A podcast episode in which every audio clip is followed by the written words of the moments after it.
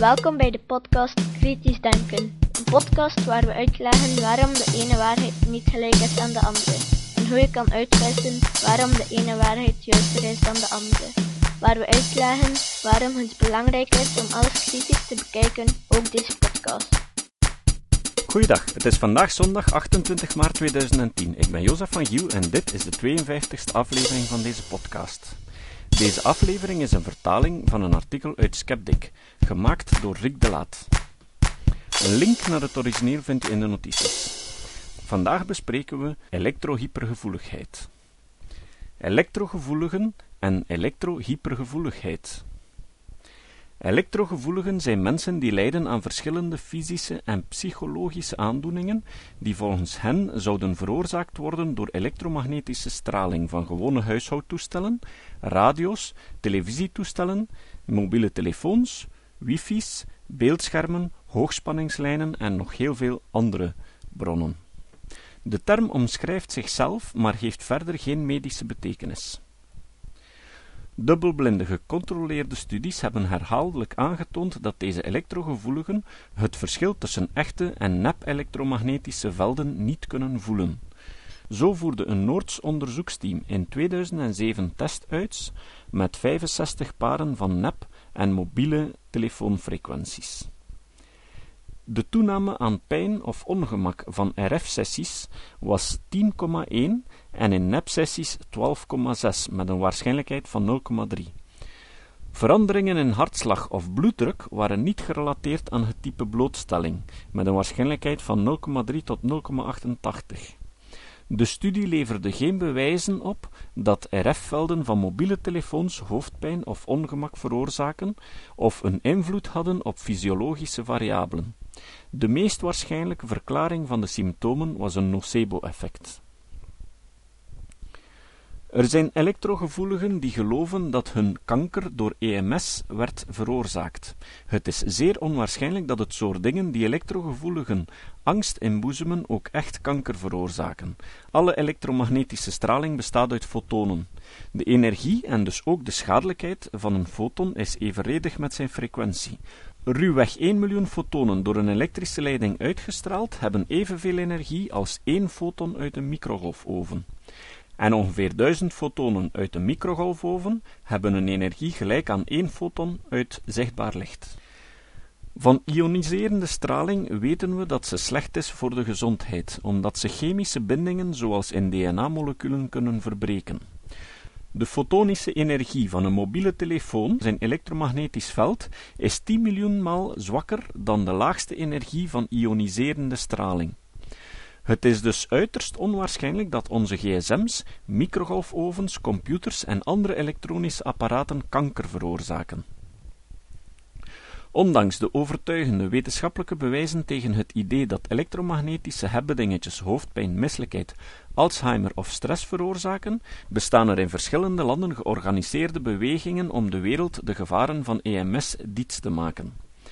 Zo bestaat in de Verenigde Staten een EMR Policy Institute. Er is ook zoiets als de Bioinitiative Report, de website van Cindy Sage van Sage Associates, een firma die zich bezighoudt met milieuadviezen, gevestigd in Santa Barbara in Californië. De Bioinitiative Report verzamelt handtekeningen voor de volgende petitie. Wij ondertekenenden vinden dat de huidige regeringsnorm het publiek onvoldoende bescherming biedt tegen de ongezonde effecten van elektromagnetische straling, voortkomende van apparaten zoals elektriciteitsleidingen, mobiele telefoons en draadloze internetapparatuur en de daarmee verbonden antennes, tv- en radiozendmasten alsook radar.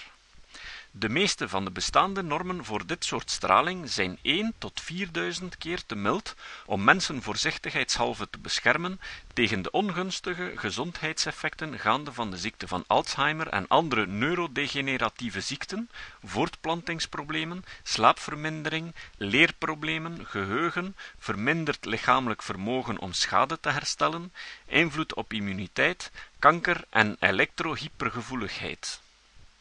De petitie besluit met de bewering dat er wetenschappelijk bewijsmateriaal bestaat om hun idee dat vele aspecifieke symptomen toe te schrijven zijn aan elektromagnetische velden. dan worden, tenminste volgens de opinie van Sage en Venoten, de normen van blootstelling opgesomd. Volgens Sage zijn de snelst toenemende milieuverontreinigingen van vandaag de elektromagnetische velden, inclusief radiofrequente straling. Ze lanceert nog allerlei andere angstaanjagende beweringen, die helemaal niet overeenkomen met het beschikbare overtuigende bewijsmateriaal. Onder andere dat mobiele telefoons genoeg straling verspreiden die tot DNA-beschadiging kan leiden.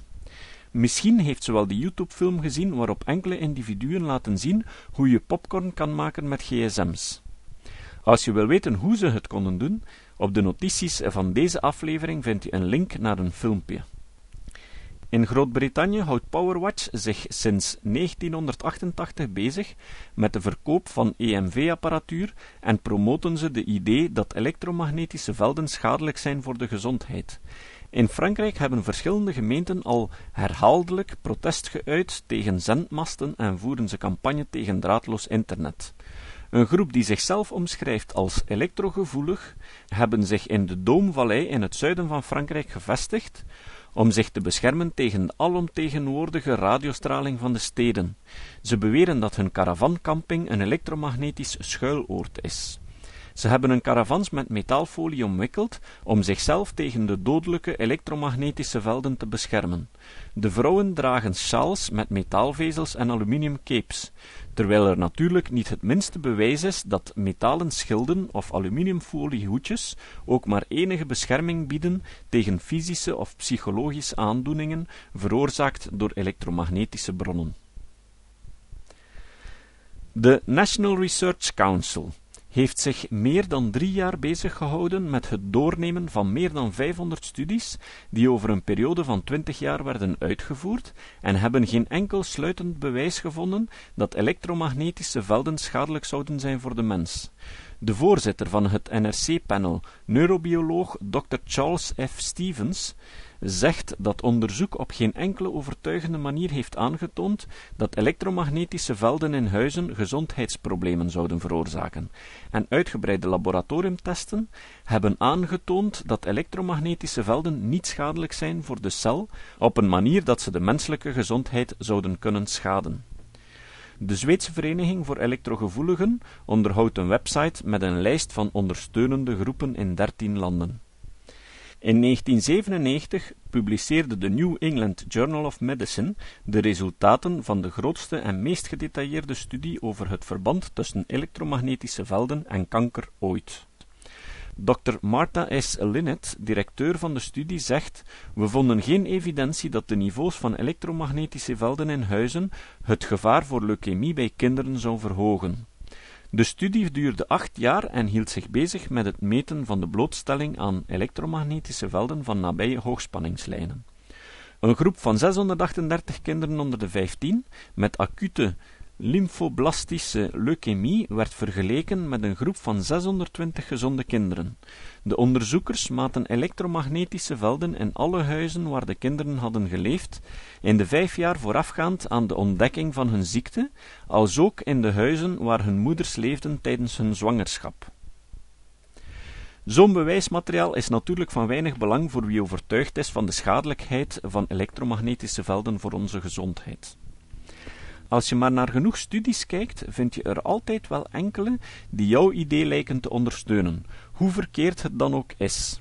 Omdat nu eenmaal een groot aantal mensen erop gebrand is om aan te tonen dat er een verband is tussen elektromagnetische velden en ziekte, ligt het voor de hand dat er steeds weer onderzoeken zullen worden gevonden die hun standpunt lijken te ondersteunen.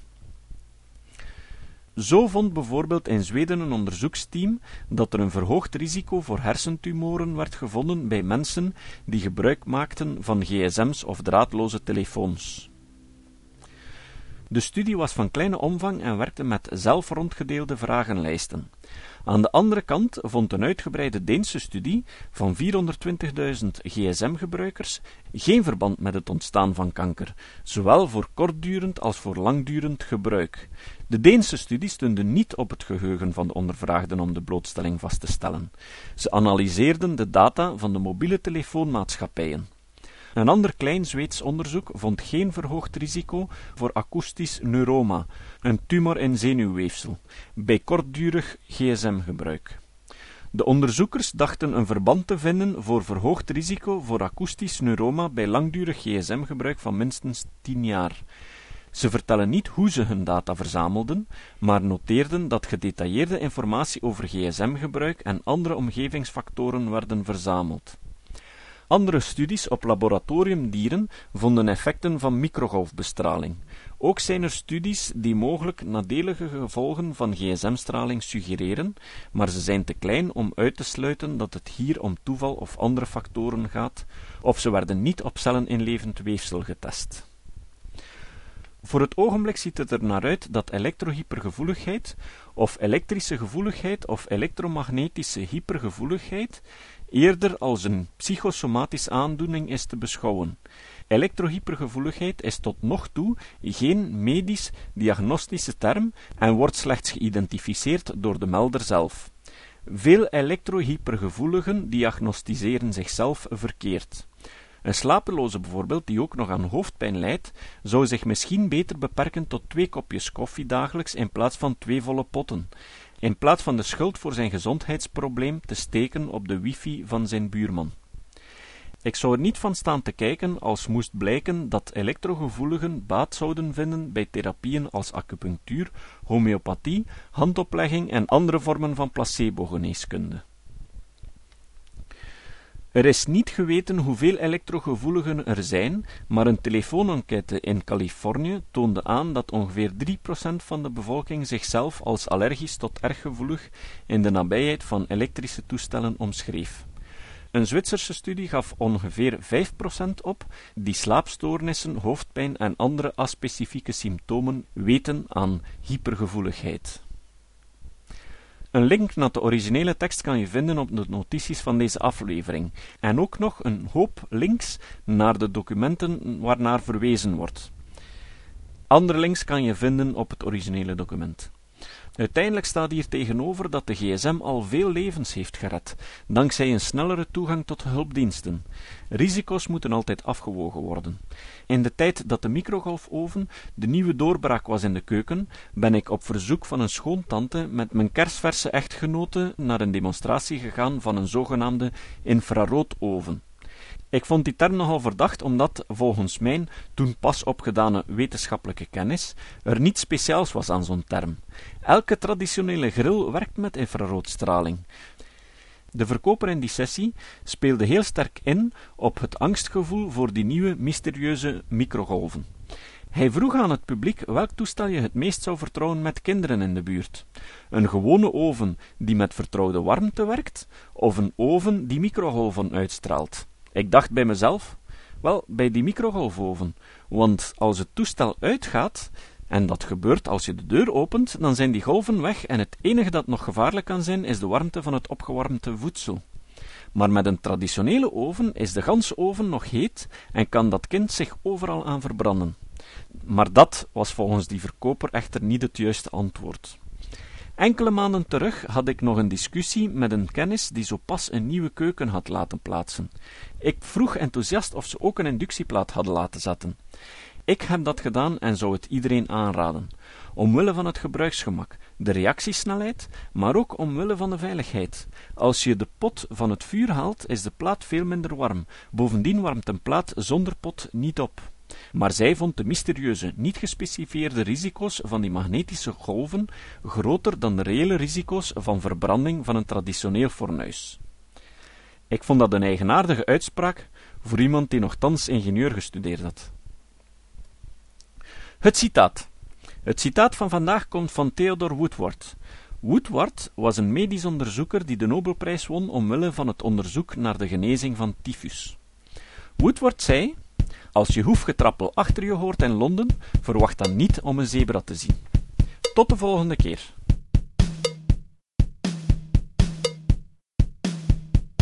Dit was de podcast Kritisch Denken. Vergeet niet om alles kritisch te behandelen, ook deze podcast.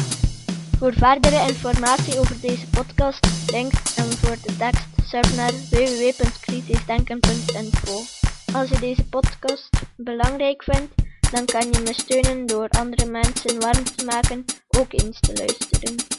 Stuur een e-mail naar je vrienden met een link naar mijn website of plaats de link in de handtekening van je e-mails. Je kan me ook steunen door op iTunes deze podcast een goede beoordeling te geven of een recensie te schrijven.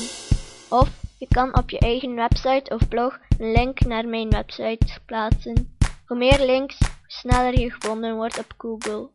Dat kan beloond worden door een link naar jouw website bij mij.